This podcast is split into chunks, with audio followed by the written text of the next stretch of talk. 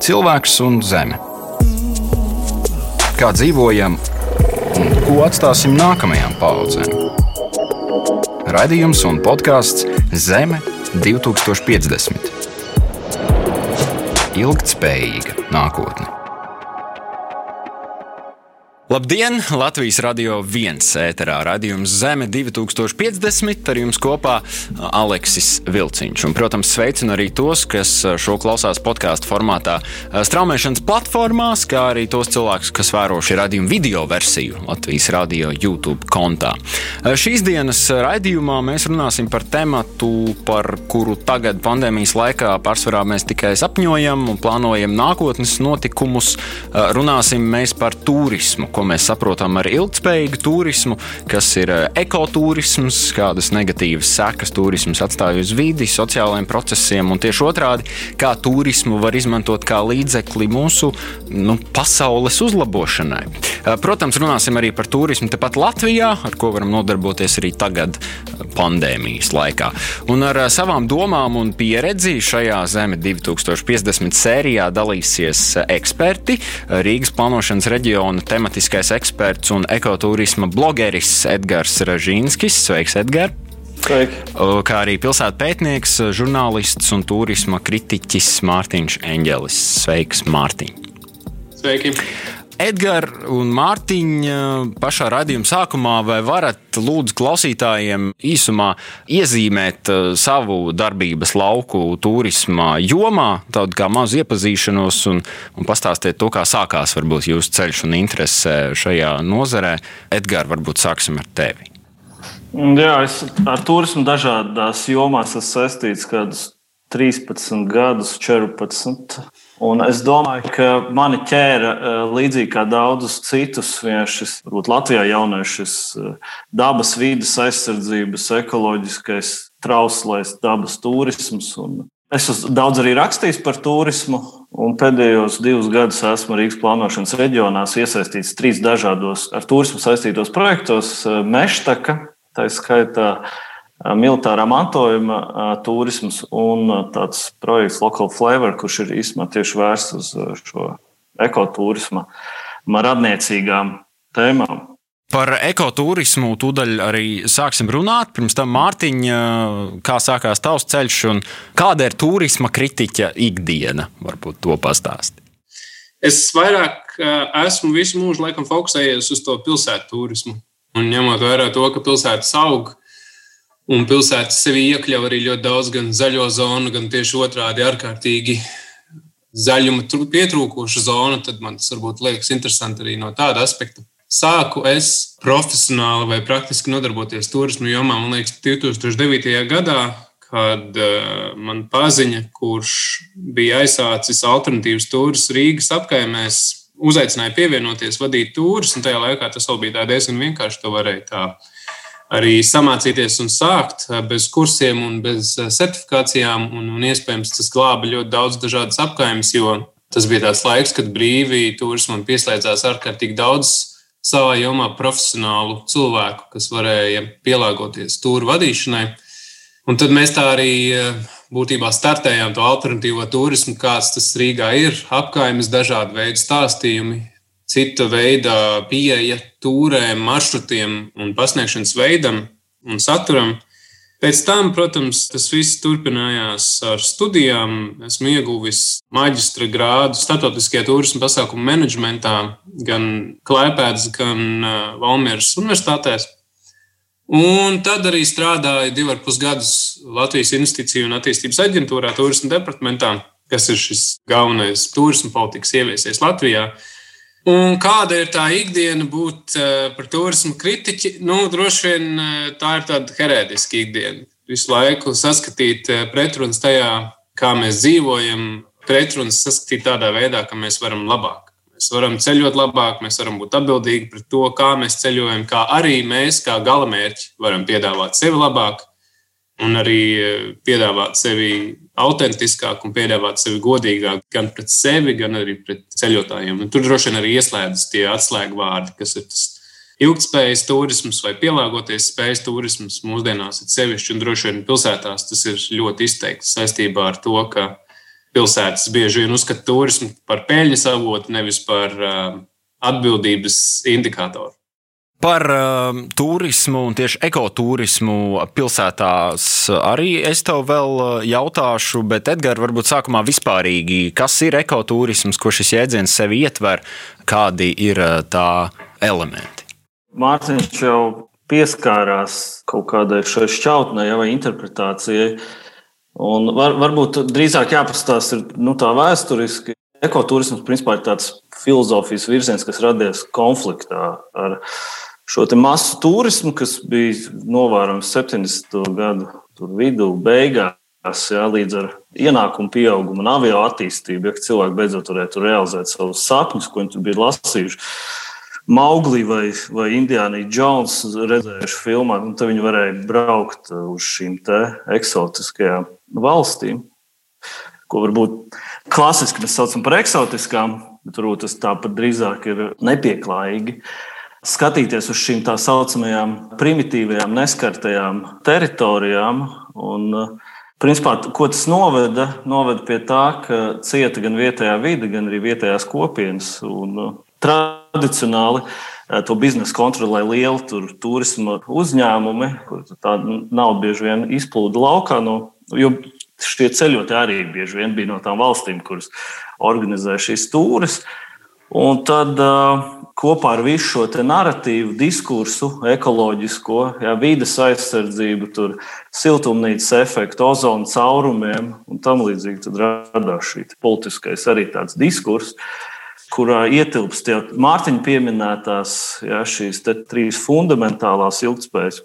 Vides aizsardzība, jā, pat varbūt vidas apstākļu uzlabošana, drīzāk nevis pat saglabāšana, bet uh, otrkārt šī sociālā atbildība, jeb sociālā ilgspēja, integrācija, vienlīdzība, tur iespēju paaugstināšana. Treškārt, atrast šo kompromisu ar šīm biznesa interesēm. Jo ir, ir tā saucamā ekonomiskā ilgspēja, kur nosaka, ka Ja mēs ilgtermiņā ciešam zaudējumus, ja, tad nu, tāda sistēma nevar eksistēt. Bet jāatrod šis līdzsvars starp ienākumiem un vidas faktoriem.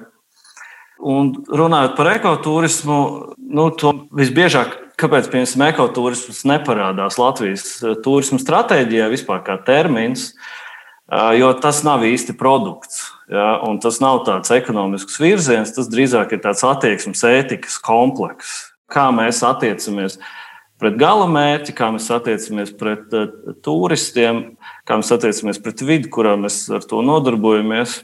Un, kas ir ļoti svarīgs ekoturisma kritērijs, ir šie klienti.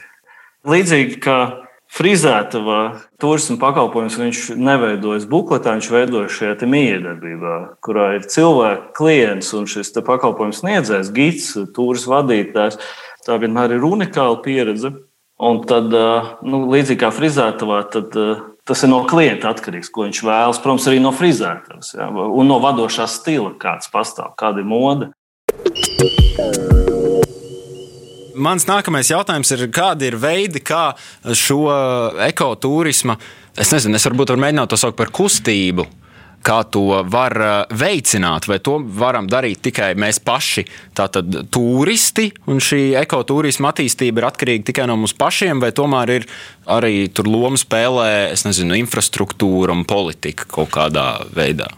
Es, es nezinu, vai vārds kustība mūsdienās kaut ko vēl nozīmē. Tas vairāk saistās ar kaut kādu domu, un tad mēs viņu mēģinām kaut kā virzīt. Bet, ja tā ir filozofija, tad tā ir daudz lielāka atbildība gan pret savu subjektu vai priekšmetu, gan arī pret eh, šo pašu domātāju. Un, ja tas ir tāds pasaules skats, mēs, kā mēs redzam pasauli. Un tas noteikti nav atkarīgs tikai no lietotāja, tas ir atkarīgs no katras iesaistītās grupas. Tad, kā galamērķis sevi redz arī šajā 2050. gadā, kā mēs sevi redzam kā ceļotāji un kā mēs varam iedarboties kā atbildīgi ceļotāji, saprotoši ceļotāji pret šo atbildīgo, saprotošo galamērķi. Un, protams, arī atbildīgiem, saprotošiem, iesaistītiem uzņēmējiem. Un tas noteikti vēlreiz atkārtoju, pierāda to, ka turisms Kā jau Edgars minēja, tad būtībā nu, ar to gadījumā frizieru tad visas iesaistītās puses rada šo pieredzējumu. Un arī ekoturismā vai ilgspējīgā turismā mēs visi esam līdz atbildīgi. Mēs visi esam, kā saka, iepirkuši sevi šajā notikumā, šajā procesā.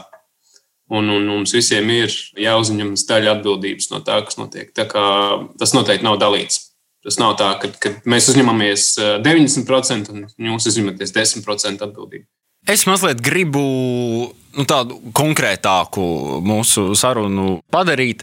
Piemēram, ja mēs paņemam apkārtējās vides faktoru, arī to Edgars minēja, ka tātad ar ekoturismu mēs vidi varam un vajag ne tikai sargāt un neskart, bet arī pozitīvi ietekmēt. Ko tas praktiski nozīmē? Droši vien vispār būtu jāsāk ar to, kā mēs uztveram vidi un, un kā sabiedrība uztver dabu. Ja, un, vai tās ir nošķirtas lietas. Viena filozofa teiks, ka viss, ko cilvēks rada, ir daba. Ja, mēs esam dabas sastāvdaļa. Vienkārši laika gaitā politika ir radījusi šo dihotomiju, jeb nošķirtību, ka cilvēks ir viens, kultūra un daba ir kaut kas cits. Nu, tur ir, protams, daudz veidu, bet mums būtu jāsāk vispār ar šo mūsu vietas vidē. Ja, tur atrašana, ja mēs saprotam, mēs esam šī tranzīcija ekonomika, ja, pārējais, un mēs pirms 30 gadiem vide tika uzskatīta vienā formā, un attiecības, ja, tā bija komunāla. Tur saimniecība, ja mūsdienās tā ir balstīta uz kaut kādu privātu īpašumu, uz īpašumu eh, tiesībām. Ja katram ir pieder tur savs pleķis, ja tad kaut kas pieder valstī, ja tas īsti pieder man vai nepieder man. Un, manuprāt, tas ir pirmais jautājums. Ja, kāda tad ir šī te, e, mūsu loma? Varbūt viens piemērs, viens meštaka, piemēram, No vienas puses tas ir marķēts maršruts, ja tā ir faktiski iejaukšanās dabā, tur dabas kontrole, jo, kā mēs zinām, turisti grib justies droši, ja viņiem vajadzīgs šis svētceļojuma princips, tad viņi sāk eh, salauzt, sagraut, iznāk ārā no tās takas jau pārdzimuši ja, un, un transcendentāli un tam līdzīgi. No vienas puses tas it kā kontrolē šo dabu, bet no otras puses tas palīdz kontrolēt šo cilvēku plūsmu. Cilvēki neblandās pa privātu īpašumiem, pa kaut kādiem liegumiem, rezervātiem, netraucē līgzdošanu un tam līdzīgi. Otrkārt, tas atvieglo atkritumu apsaimniekošanu. Jo atkritumi nav izmētāti pa visu mežu, bet viņi ir nu, konkrētā šajā posmā, tas ir lētāk un tam līdzīgi. Tas ir viens veids, kā nodemonstrēt šo piemēru, kā mēs varam atrast kompromisu. Par dabas takām mēs arī tūdaļ runāsim ar mūsu nākamo viesi, bet Mārtiņ, tev vēl kas papildināms? Man bija vairāk tas komentārs par tavu jautājumu, ko tas nozīmē, ka, ja mēs esam atbildīgi par vidi, mēs viņu varam pat uzlabot. Un tas ir ļoti praktisks un ļoti normāls dienas kārtības jautājums jebkurā paskatdomskā valstī Jo, kā mēs zinām, tad eh, vesels vairāk nekā 50 gadus gan Latvijā, gan arī daudzās citās valstīs bija ļoti izteikta antropogēnās slodzes uz dažādām vietām, nu, kas ir šī cilvēka radītās slodzes, dažādām vietām, kas šobrīd ir normāli turisma objekti vai normāli turisma punkti. Un ļoti daudz ir iespēju šīs vietas padarīt uh, sekoptākas. Mēs varam atbrīvot viņas no būvgrūžiem, mēs varam viņas atbrīvot no kaut kāda dažāda piesārņojuma, kas ir radies šo 50 gadu laikā. Un tas ir raksturīgs gan šīm valstīm, kas ir iznākušas no postpadomu bloka, arī, protams, bloka ne tikai pašas padomju savienības, gan arī valstīm, kas ir piedzīvojušas kaut kādas varas maiņas. Mēs to redzam sevišķi Indoķīnā, kur ir ļoti daudz gan militāru, gan arī vienkārši industriāli piesārņot objektu. Tā ir tā antropogēnā slodze, antropogēnās piesārņojums, ko attīrot, ko uzlabojot, var atjaunot vidas tīrību, atjaunot vidas dabiskumu un padarīt daudzas vietas pieejamākas eh, turismam. Kaut vai nu, tāpat Vietnam būtībā ļoti daudz strādā pie tā, lai kaut kādas dabu zonas lēnām tiktu padarītas cilvēkiem un ceļotājiem dabiskākas, kaut vai vienkārši attīrot tās no militāriem lādiņiem vai, vai bumbām. Un it kā tas liekas tāds ļoti praktisks, eh, parasts notikums, bet tas ir ārkārtīgi saistīts arī ar šo ekoturismu būtību, ka mēs atgriežam dabiskas zonas savā dabiskajā vidē, savā dabiskajā izskatā, kādas tās bija pirms cilvēks nolēma uzlikt to savu ķetnu virsū. Un Latvijā tā ir ārkārtīgi izteikta realitāte. Latvijā to īstenībā var redzēt arī, ka tas ir jārisina vēl tuvākos gadus. Mums ir cilvēkiem ieaudzināta šī bezatbildība pret vidi, bezatbildība pret savu publisko telpu, ne tikai pret vidi. Uh, Mums joprojām, kā Edgars teica, mēs dzīvojam tādā komunālajā sabiedrībā, ka visi visu dala un nevienam nekas īsti nepieder. Un tad, ja, ja šī vieta nav mana privātā zona, tad es tur varu nogrūst savus riepas. Nu, apmēram tā. Un ļoti daudz turismu objektu, ļoti daudz dabas objektu šādi arī zaudē savu potenciālu, vai, vai šis potenciāls tiek iedragāts. Mums ir tāda nebeidzama krustāde pret šādu iepriekšējo filozofiju vai pasaules uzskatu, lai atdzīvinātu šīs dabiskās vietas un uzlabotu šo vidas stāvokli. Tā ir tāda normāla praksa. Es domāju, ka tas saistās ne tikai ar dekoturismu, bet saistās ar kaut kādu common sense, pašsaprotamu lietu. Saprātu. Uz kuru pusi pasaule griezīsies pēc dažām desmitgadēm? Ekspertu spriedumi, risinājumi un prognozes. Raidījums un podkāsts Zeme 2050. Ilgtspējīga nākotne. Tas, protams, ir tāds dīvains termins, bet eh, par vienu no pandēmijas pozitīvajiem aspektiem eh, varētu uzskatīt arī to, ka tā daudz eh, vairāk cilvēku kā parasti ir izdzinusi ārā, tepat Latvijas dabā. Par to, par pārgājieniem un dabas izzināšanu mēs parunāsim redzējuma turpinājumā. Šobrīd sarunā vēlos iesaistīt geogrāfu, pārgājienu rīkotāju un vadītāju un bloga Dodies dabā autoru Kristapu Kiziku. Sveiks, Kristap! Kristap. Sveiks! Kristap, eh, sociālajos tīklos mēs regulāri pandēmijas laikā redzam eh, fotogrāfijas ar eh, cilvēku pūļiem, pilnām autostāvvietām, tajās Latvijas populārākajās dabas takās. No vienas puses, it kā labi, ka cilvēki dodas ārā, bet no otras puses, vai tie mūsu populārākie dabas dārgumi pārdzīvos šo pandēmiju? Jā, tas ir tāds smags jautājums. Principā tas jautājums par sirdsapziņu vai cik daudz var staigāt, un kad ir par daudz, un kad ir par grūti, un kad, kad dabai tiek kaitēts. Jā. Kāpēc es sāku rakstīt par maršrutiem un ieteikt cilvēkiem doties kaut kur ārā? Tas bija redzot, ka tiek visas tās purva laipas un visa maršrutiņa ļoti pilns, kā jau teicu, jā, simtiem mašīnu stāv, un cilvēki vienkārši visi dodas uz vienu to pašu vietu. Un, bet īstenībā var doties arī tālāk par Rīgu, tālāk par ķemeriem, tālāk par Siguldu.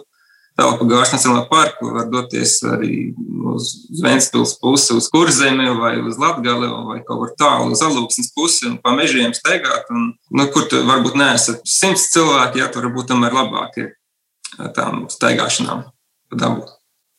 Kas varbūt būtu jādara vai kādi pasākumi jāveic, lai šīs takas un dabas objektus saglabātu? Vai mums būtu jāievieš kaut kāda perioda, kad mēs vienkārši slēdzam cietu un ļaujam tā kā atpūsties?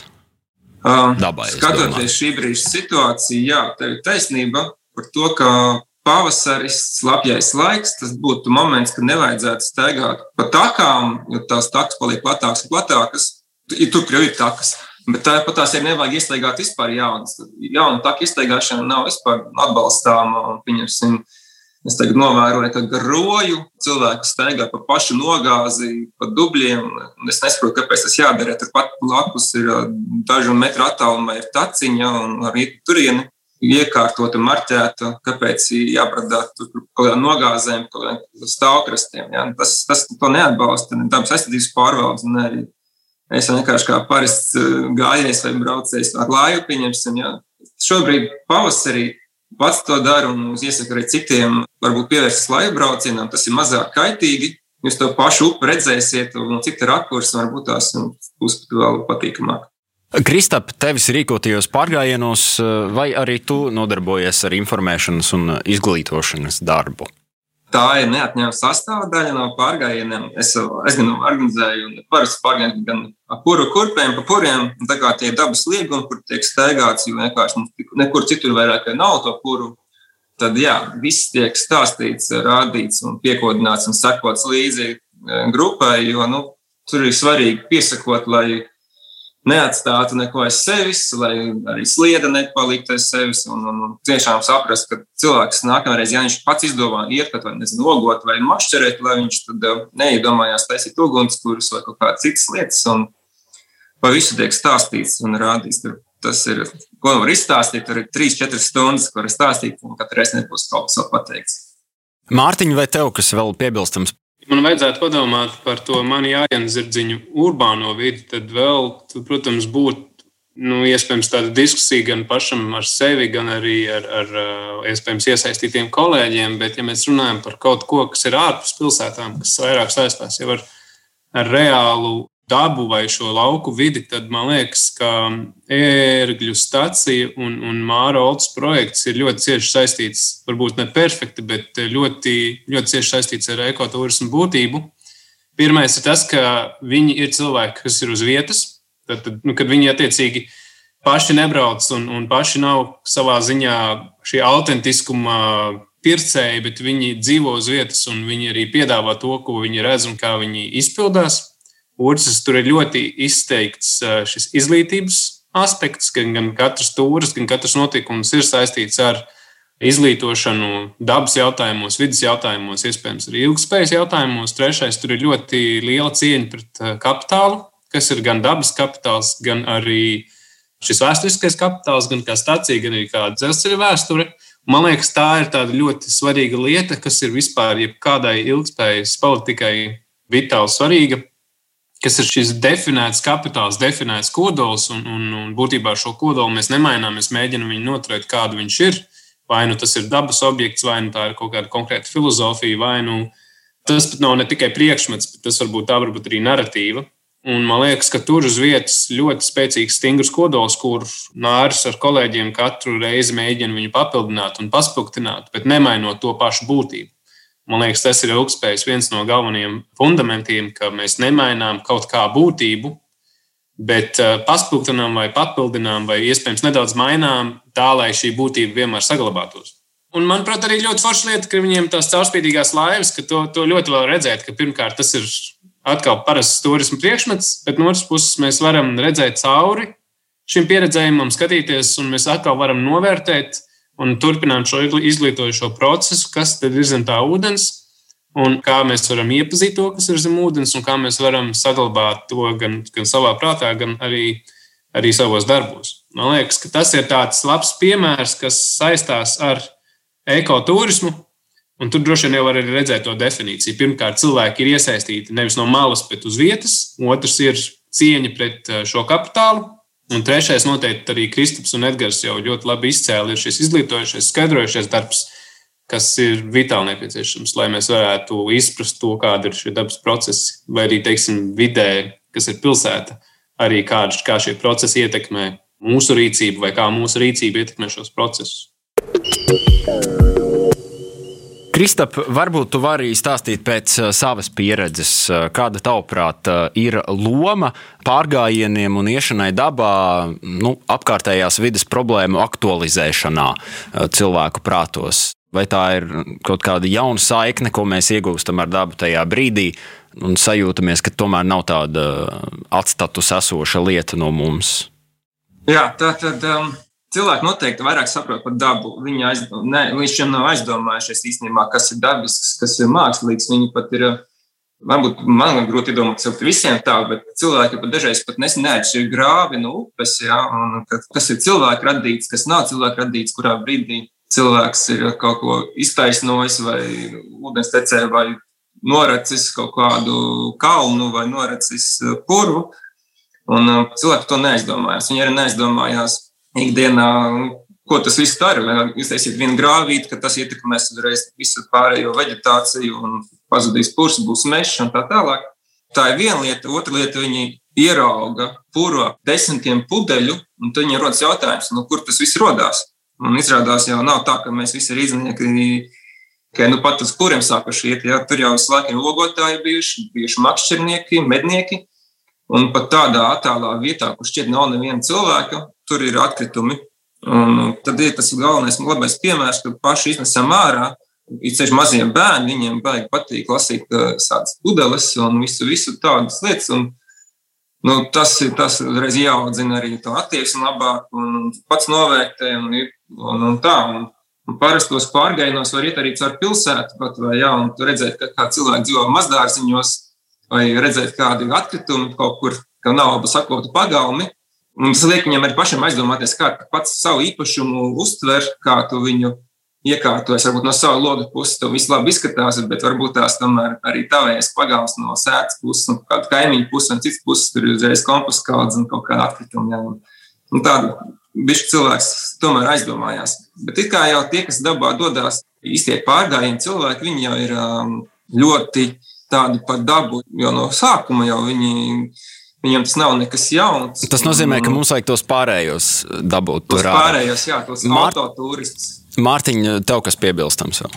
Jā, tas īstenībā jau bija arī tas, ko es vēlējos teikt. Pilnībā piekrītu Kristupam, ka tā līdzdalība ir ārkārtīgi svarīga. Un arī šie cilvēki, kas nāk, viņiem jau ir izpratne par to, kur tad viņi atrodas un kāds tad viņu ir uzdevums.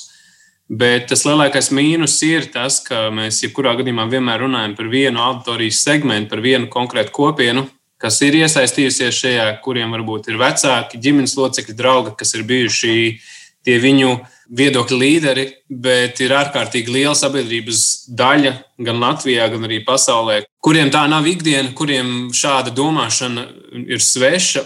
Tas uzreiz rada šo jautājumu, kā mēs varam stāstīt par atbildīgu, un, un ilgspējīgu un, un pielāgoties spējīgu ceļošanu skolās, kā mēs varam to darīt no valsts politikas viedokļa, kā mēs to varam darīt daudz plašākā mērogā, jo liela daļa tomēr no tās sabiedrības gan neizprot, gan arī neievēro, gan arī tieši otrādi bieži vien arī ignorē kaut kādu atbildību pret galamērķi no ceļotāja aspekta, gan arī kā šī pieredzējuma sniedzēja aspekta. Un tur, protams, ieslēdzās nu, tas stāsts par to, kā valsts, šajā gadījumā ekonomikas ministrija, kas ir turisma politikas ieviesēji vai veidotāji, kā ekonomikas ministrija var ietekmēt šo visu.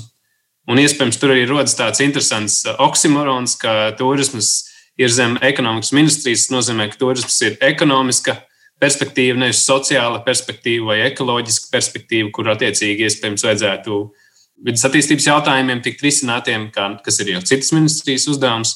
Un šī diskusija ir bijusi jau ilgi par to, vai uh, turisms ļoti daudz valsts to ir sapratuši, vai turisms ir tikai vienīgi ekonomisks process, vai, vai turisms ļoti daudz kas cits. Un, un, un, eh, ja mēs runājam par ekoturismu, ilgspējīgu turismu, tad tur ir noteikti vai nu jāveido atsevišķa nozare, atsevišķa zars politikā, vai arī kaut kā jāveido tas kompromiss starp eh, ekonomiku, starp vidas aizsardzību, starp kaut kādu sociālo aspektu un, un, un iespējams arī izglītojošu aspektu. Tā kā būtībā No vienas puses, turisms mūsdienā ir kļuvis par saistvielu starp daudzām dažādām ministrijām, bet no otras puses, turisms iespējams eh, paģēra pats eh, savu kaut kādu unikālu politikas veidošanu.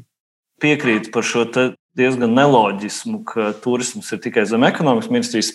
Ir bijis diskusiju avots, bet uh, kas varbūt ir pozitīvi šajā ziņā, ka liels daudzums no politikas reāliem veidotājiem turisma ir geogrāfi ja, un biologi. Un Jo mums nav šīs turisma izglītības tradīcijas tik senas, ja, un šie ir cilvēki, kas ir kā Kristaps, ja, piemēram, viņi ir saistīti ar zemi un dabu, un viņi velk to. Un tā ir tā ekoturisma problēma, ja, jo to eko var tulkot gan kā ekosistēmu, gan ekoloģiju, gan ekonomiku, un tad katrs, kurš viņu interpretē, to interpretē no sava. Un tur šis konflikts ir nu, nepārtraukts. Ja, un tad šis ekoturisma politika, viņa katrā valstī izveidojas savādāk. Tas ir iespējams iemesls, kāpēc Latvijas turisma stratēģijā ekoturisms nav pieminēts nevienā vietā. Bet varbūt tas ir iemesls, kāpēc mums tomēr ir ļoti liela izpratne par to, ka doties apkārt savai Latvijai, doties pie jūras vai doties mežā, tas nav uzskatāms kā ekskluzīva lieta.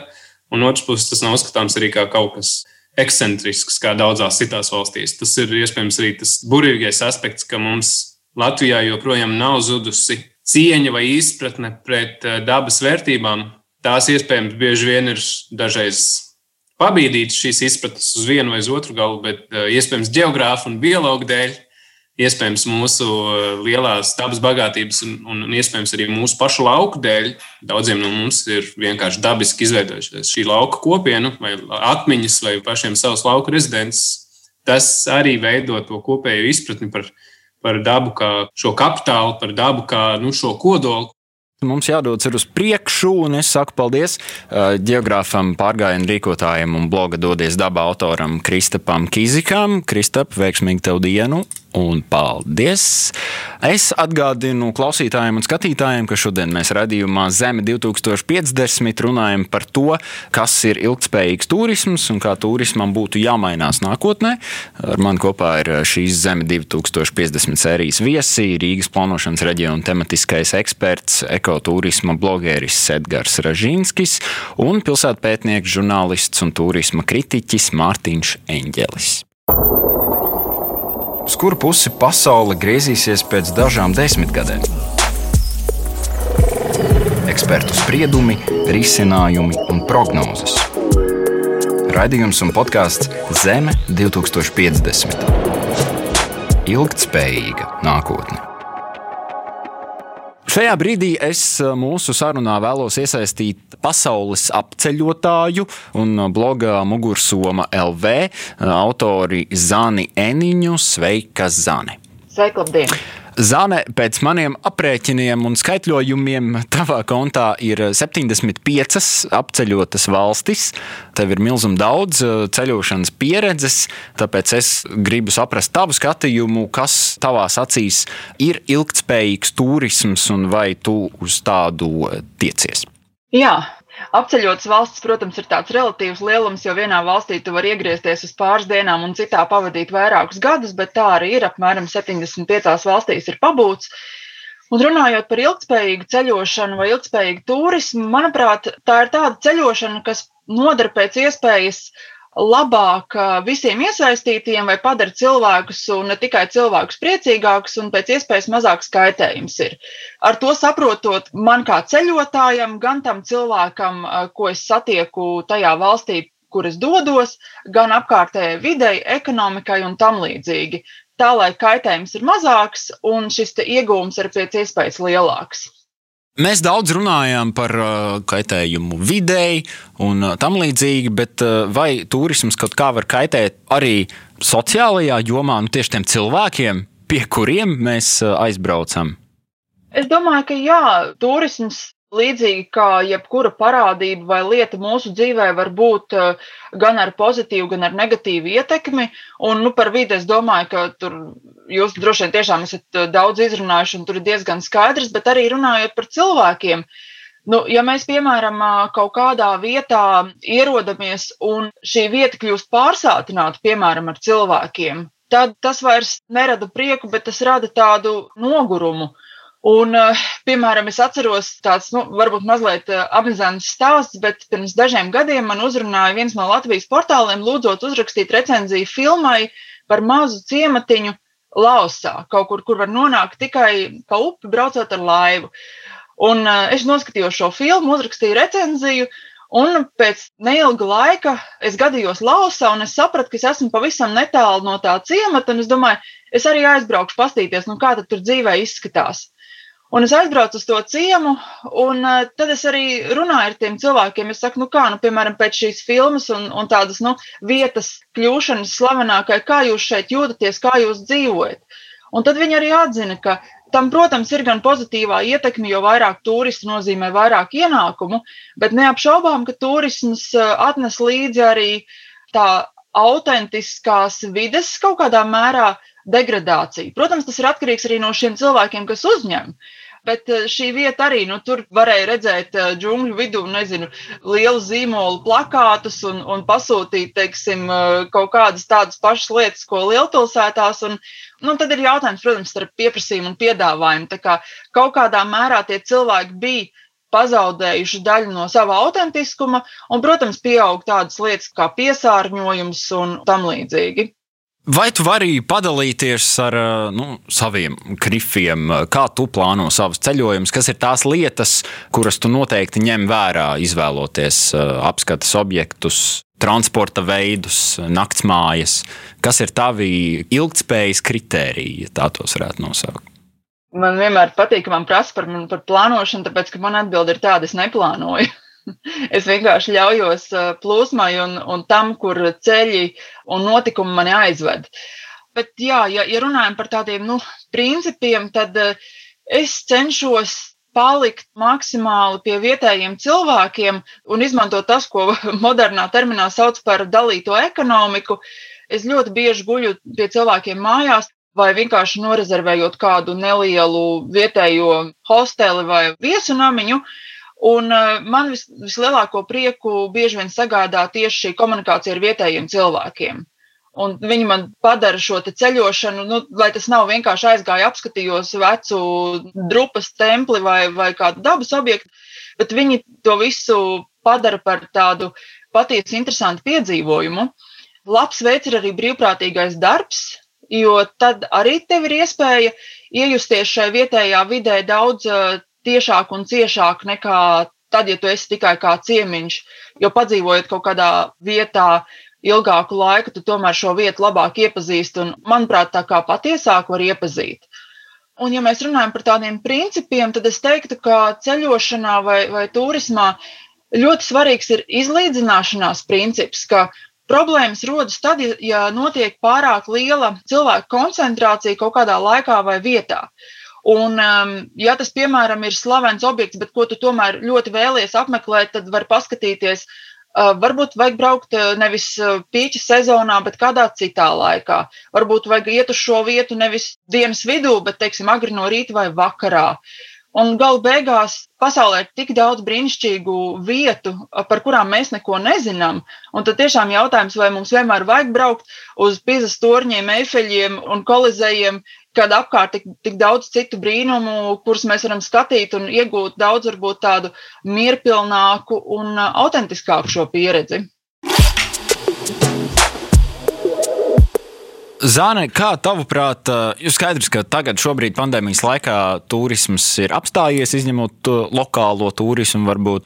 Kā uh, turisms pēc pandēmijas, tavuprāt, mainīsies uh, šī joma, un varbūt ne tikai pēc pandēmijas, bet uh, turpmāko 20 gadu laikā? Pirmkārt, runājot par to, kas šodien ceļo vai neceļo, tas, kas notiek ar vietējo turismu, es domāju, ir ļoti brīnišķīga tendence, ka cilvēki tiešām pastiprināti ceļo pa Latviju, un, un es domāju, arī turpinās to darīt, tā ir patiešām laba ziņa. Par tiem cilvēkiem, kas ceļo uz ārvalstīm, Es domāju, ka ir svarīgi arī neraudzīties uzreiz ar tādu nosodījumu, jo, piemēram, manuprāt, aizbraukt kaut kur pastaigāt pa dabas takām Somijas pie ezeru krastos vai Norvēģijas kalnos nav mazāk uh, epidemioloģiski nedroši, kā, piemēram, braukt ar 15. vai, vai kuru tur trolēbus. Bet runājot par to, kas būs pēc pandēmijas, mēs pat negribētu iedalīt dzīvi pēc pandēmijas, jo mēs neviens īsti nezinām, kad un kā tas beigsies. Un vai tas vispār kādreiz nu, tādā striktā veidā beigsies? Tagad mēs visi esam, nezinu, potēti vai imūni, un tagad varam bliest tāpat, kā darījām to pirms tam. Es domāju, ka tas tā īsti nenotiks. Un katra lieta dzīvē notiek ar kaut kādām domām un mācībām, un es domāju, ka šī mācība ir tāda, ka mums, ka pandēmija liek mums apstāties un padomāt. Un tas nevienmēr ir ļoti patīkami to darīt, jo atklājās visādas lietas, nezinu par sevi un pasauli, ko nevienmēr gribās redzēt ceļošana, es gribētu cerēt, ka turpināsies nedaudz lēnāk un uzmanīgāk. Es domāju, ka ilgtermiņā tas, ko mēs meklēsim ceļojot, būs šāda iedziļināšanās pieredžu uzkrāšana, ka, piemēram, es braukšu nevis, lai paskatītos uz uh, kaut kādu vecu objektu, nezinu, piemēram, pili, bet es braukšu vairāk izkopt kaut kādas savas intereses un prasmes. Varbūt es vairāk braukšu ar mērķi kādam palīdzēt vai kādam kaut ko dot un bagātināt, ka, ka tā vairāk būs interešu un pieredžu apmaiņa un mazāk eh, tāda lēkāšana no viena objekta uz otru. Jā, tas var būt kā daļa no šī ceļojuma, bet manuprāt, ka tikai apmeklēju, atķeksējos, rekurēs biju, nobildējos un braucu tālāk, manuprāt, tas ies mazumā. Protams, ka tehnoloģijām mūsu dzīvē loma ir katru gadu pieauguša, un, un es domāju, mums ir diezgan grūti prognozēt, kas notiks tieši pēc 20 gadiem, jo tehnoloģijas attīstās diezgan strauji. Un es domāju, ka tehnoloģijas var būt ļoti palīdzošas vecām grupām kaut vai iztēloties, kā tur ir bijis, vai iedot uh, iespēju ceļot cilvēkiem, kuriem tas praktiskā veidā ir sarežģītāk.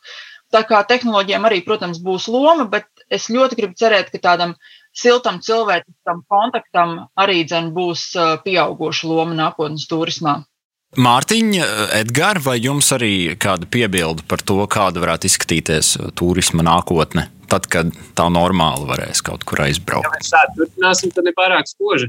Īstenībā tajā 2017. gadā, kad es sāku strādāt Lijā, tad man bija tas gods arī sākt strādāt vismaz individuāli pie kaut kā, ko varētu nosaukt par turismu plānu B Tas bija tas laiks, kad notika dažādas lietas pasaulē, un, un, un, un man liekas, ka būtu svarīgi apskatīt visus šos notikumus vēsturē, kas ir mainījuši turisma plūsmu, vai turisma politiku, vai turisma vidi dažādās pasaules valstīs vai teritorijās. Un tad es sapratu, ka jo vairāk mēs izpētām šīs vietas, jo vairāk mēs apskatām, kā viņas ir, izcinātas, un jo vairāk mēs sagatavojamies šādām situācijām, jo mazāk ir iespējamība, ka turisma industrija iesalst būtībā tā, kā tā iesala šajā gadā.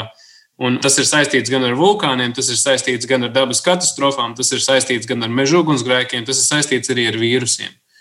Un nekas īsti nav mainījies, un man liekas, jo vairāk mēs uz priekšdienām izstrādāsim šādus plānus B, vismaz valstiski vai, vai, vai individuāli vai, vai reģionāli, sapratīsim, kā mēs varam rīkoties kaut vai minimāli, lai nodrošinātu to, ka mūsu uzņēmums vai mūsu galamērķis turpina dzīvot, vai ka cilvēki to turpina apmeklēt, vai mums joprojām ir laba slava, tad mēs varēsim atrisināt daudz dažādu situāciju nākotnē, ja mums būs šādi plāni B, ja mums būs šāda sagatavotība, jo iespējams, ka ļoti daudz cilvēku vispār nebija domājuši par to, ka pēkšņi kaut kas notiks viņu uzņēmē darbībā, arī valsts, kā turisma sektora iespējams pārvaldītāji, nebija ņēmis vērā kaut kādus signālus teiksim, no, no Ķīnas vai no Meksikas, no citām valstīm, kur līdz šim ir bijuši dažādi šādi citu dažādu slimību uzliesmojumi.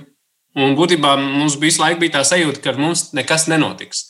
Un, ja mums ir šī sajūta, tad tā jau ir būtībā pirmā bīstamības sajūta, ka mēs dzīvojam 21. gadsimtā ļoti straujā pārmaiņu laikā, un mums viss var notikt. Un, ja mēs to ņemam vērā un mēs kaut vai nedaudz iezīmējam kādu vīziju, kā teiksim, atrisināt kaut ko, kas mums notiks līdz 2050. gadam, kas ir šī raidījuma mērķis, tad man liekas, ka mēs nevaram atrisināt, bet mēs varam mīkstināt situāciju. Un 2020. gads ļoti veiksmīgi pierādīja, ka mums vispār nebija nekādu plānu B. Ne mums, ne lielākajai daļai pasaules. Paldies uh, Zanai uh, Eniņai, ceļotājai. Zanē, laižam tevi atpakaļ tavos uh, ikdienas darbos. Paldies, ka atradi laiku mums pieslēgties. Mēs turpinām sarunu Zeme 2050. Mārtiņš un Edgars joprojām kopā ar mums. Zeme 2050. Edgars, tev kas bija sakāms? Es gribēju varbūt savu viedokli, bet varbūt no citas perspektīvas, no tāda patērētāja perspektīvas, par to, kā tas varētu mainīties. Man liekas, neņemot vērā tos apstākļus, cilvēka un tās turisma miedarbības, viņas nemainās nekad. Mēs redzam, cilvēki vienkārši sēž mājās cieši, jo viņi, viņi ne, viņas nevar realizēt. Un turisms un ceļošana, kā mēs zinām, ir viens no tādiem sociāla-ekonomiskā statusa attribūtiem, ja, kurš kļūst aizvien nozīmīgāks, lai cilvēki varētu demonstrēt ja, kaut kādas savas vērtības, to, kas viņi ir, eh, to, kas viņi gribētu kļūt. Ja, turisms, pateicoties sociāliem tīkliem, to ļoti labi palīdz. Līdz ar to es domāju, tas paliks tā, kā tas ir. Tas, ko Zana minēja par šo identitāti, Un tur ir gan riski, gan īstenībā arī labās lietas. Mēs vairākas reizes šodien runājam par šo autentiskumu un, un identitāti vietas. Ja nemaldos, Mārtiņš ir arī runājis par šo te, ka turisms nav tikai vecrīgi, bet purvciemā e, un, un citur arī var būt turisms. Un, un varbūt mēs to nesaskatām, tāpēc ka mums tā lieta, tas padomu laiks ir stigmatizēts, bet mēs, piemēram, komunicējot ar mūsu ārvalstu partneriem projektos, viņi mums mūžīgi atgādina, kāpēc jums, piemēram, nav kolhoza muzejs. Viņi uzskata, ka tā būtu fantastiski. Nu, es, tas ir tikai viens piemērs, bet uh, mums ir ļoti daudz kapitāla, kuru varētu ilgspējīgi pārvērst turismu produktos. Un bieži vien tā situācija ir tāda, ka jā, ir risks, ka varētu identitāte, autentiskums ciest no turisma, bet bieži vien notiek tieši pretēji. Ja, ka vietējās kopienas saskaroties ar šo citādību, kas nāk no citurienes, viņi tieši sāk reaģēt pret šo un, un sāk meklēt savu vietas identitāti, sāk runāt par to. Viņi bieži vien paši par sevi uzzina vairāk nekā viņi zināja iepriekš. Un es domāju, ka pirmkārt to vēju nevar apturēt. Ja tu vari nojaukt dzirnavas, bet vējš viņš e, turpinās.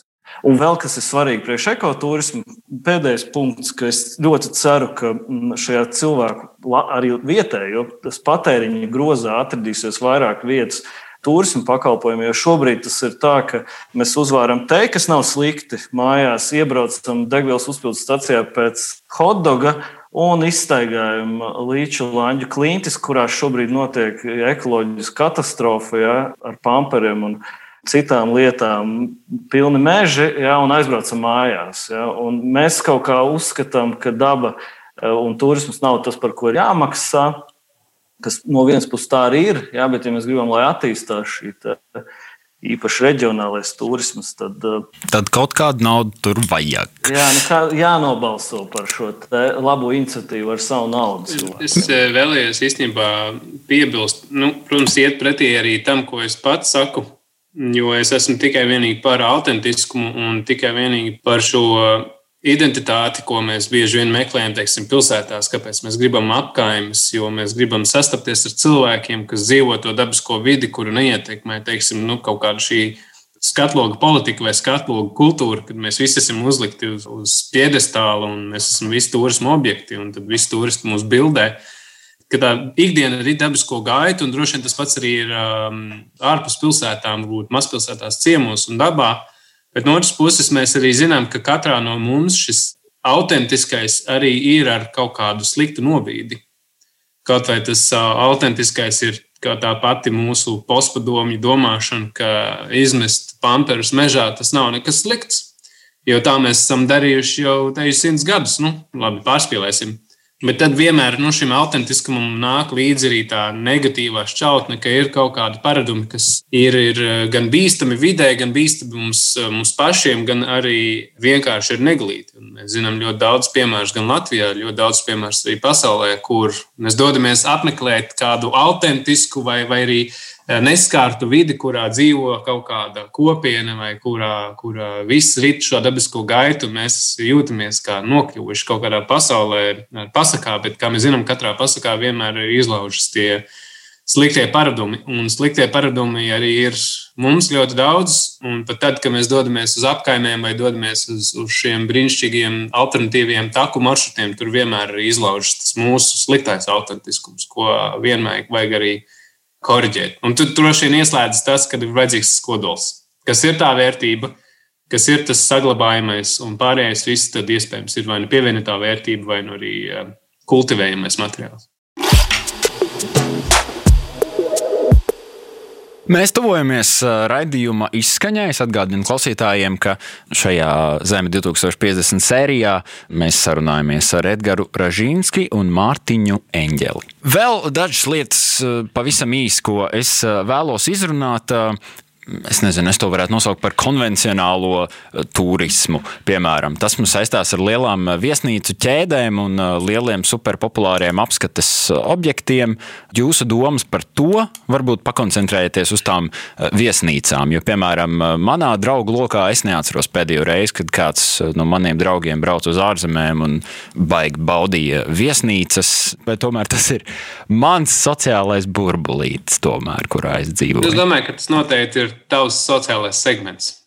Jo, jo gan jau, ka ir ģimenes ar bērniem, kuriem uh, gan nav nerocības, gan varbūt uh, ir tāda parasta pieredze, nav avansēta pieredze, tad viņiem hotelis vai viesunams vai šis izklaides hotelis pie sarkanās jūras kaut kur, tas ir viņiem tāds ļoti veiksmīgs risinājums, un, un tas tikai turpināsies. Vai arī vecāki gadagājumi cilvēki, kuriem iespējams nav šīs mobilitātes vai zināšana par Airbnb, viņiem arī joprojām ir izpratne par šādiem atpūtas hoteļiem vai arī pilsētas centros esošiem hoteļiem kā tādu ļoti normālu. Un uh, to attiecīgi pārstāv iespējams jau pavisam citu sabiedrības segmentu, kas meklē kaut ko citu, citu dažādu veidu pieredzējumus. Un, un Es domāju, ka visas šīs lietas eksistē paralēli, un visām šīm lietām droši vien tāpat kā visam, par ko mēs runājām, ir jāatrod tas līdzsvars.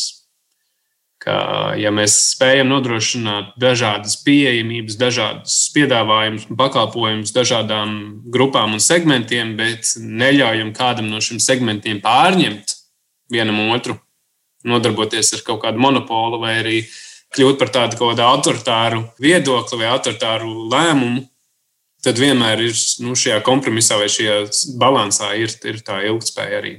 Klausītājiem, kas tagad, kad varbūt kaut kāds tas lielais ceļošanas būms atsāksies un cilvēki ir pārgribējušies doties uz ārzemēm, varbūt mēs varam apkopot tādus pavisam praktiskus padomus, kā cilvēkiem sākt savā dzīvē iesaistīt ekoturisma elementus.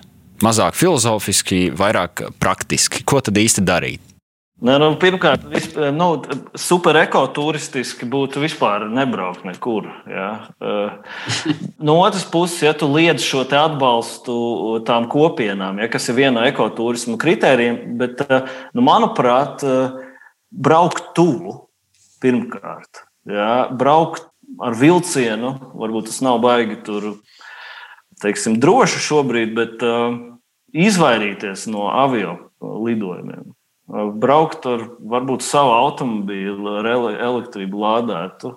To, to, ko Zana minēja, Somiju, piemēram, jo no vienas puses, ja ekoturisti ir ar biezu naudas maku, jo viņi var atļauties labus gīdus, braukt uz sensacionālām vietām, mazā, mazā lokā, atbalstīt vietējos, pirkt viņu pakalpojumus un būt arī vienlaicīgi ļoti ieinteresēti ja, par šo vietējo kopienu. Man liekas, tā orientācija ir uz kaimiņu valstīm, nu, no galvenmērķa viedokļa. Mārtiņ? Es domāju, ka viens no tiem punktiem noteikti ir nekaunēties un pat būt interesētam meklēt alternatīvas. Vai arī alternatīvas tādā ziņā, ka tas nesaistās tikai un vienīgi, ja, ja mēs nevaram nokļūt pie Parīzes divmātas katedrālis, tad mēs, e, nu, viss, nu, tad vairs alternatīvas tam nav. Bet runa ir par alternatīvu gan sezonāli, runa ir par uh, alternatīvu gan arī galamērķos. Ja mums ir šis zelta rudens, tad mēs paskatāmies vēlreiz, varbūt zelta rudens ir kaut kur citur, un mēs mazinām šo antropogēno slodzi, mēs, mēs tuvojamies šai dabai daudz tuvāk arī citos veidos. Un uh, alternatīva arī tādā ziņā, ka mēs varam nedoties arī, uz, ja mums ļoti gribās uz to pilsētu aizbraukt, tad mēs varam aizbraukt uz pilsētu arī nesezonās. Ja viņi ir citādāk, bet tā ir tā pati pilsēta. Alternatīvas gan sezonāli, alternatīvas gan, gan pieturpunktos, alternatīvas arī gan, gan dažādos viedokļos. Mēs noteikti to varam piekopt. Tādējādi mazinot šo mūsu slodzi, tādējādi dodot iespēju citiem galamērķiem sevi pierādīt, un iespējams tādējādi arī tuvojoties tai kopienai, šeit tēlam, vai tas ir dabas objekts, vai nu, tā ir tāda mazs ciemats vai kaut kas cits. Un tas ir vēl viens ieteikums. Tomēr. Tātad īsumā lokāli pienāks atkal oktobris. Varbūt uh, lieciet Siguldu mierā kaut kā tā. Jā, noteikti. Jā. Es domāju, ka paņemiet ar vilcienu, aizbrauciet kaut kur ar velospēdu. Tas, protams, ir otrs jautājums, vai mēs varam ar velospēdu tā veiksmīgi iekļūt vilcienā. Tas droši vien ir trešais vēl viens ieteikums gan valsts, gan reģionālā mērogā rūpējamies par infrastruktūru, lai cilvēki var ne tikai savas idejas izsapņot, bet arī realizēt. Raidījumu par infrastruktūru meklējiet Latvijas radio YouTube kanālā pie Zeme 2050 uh, playlistes.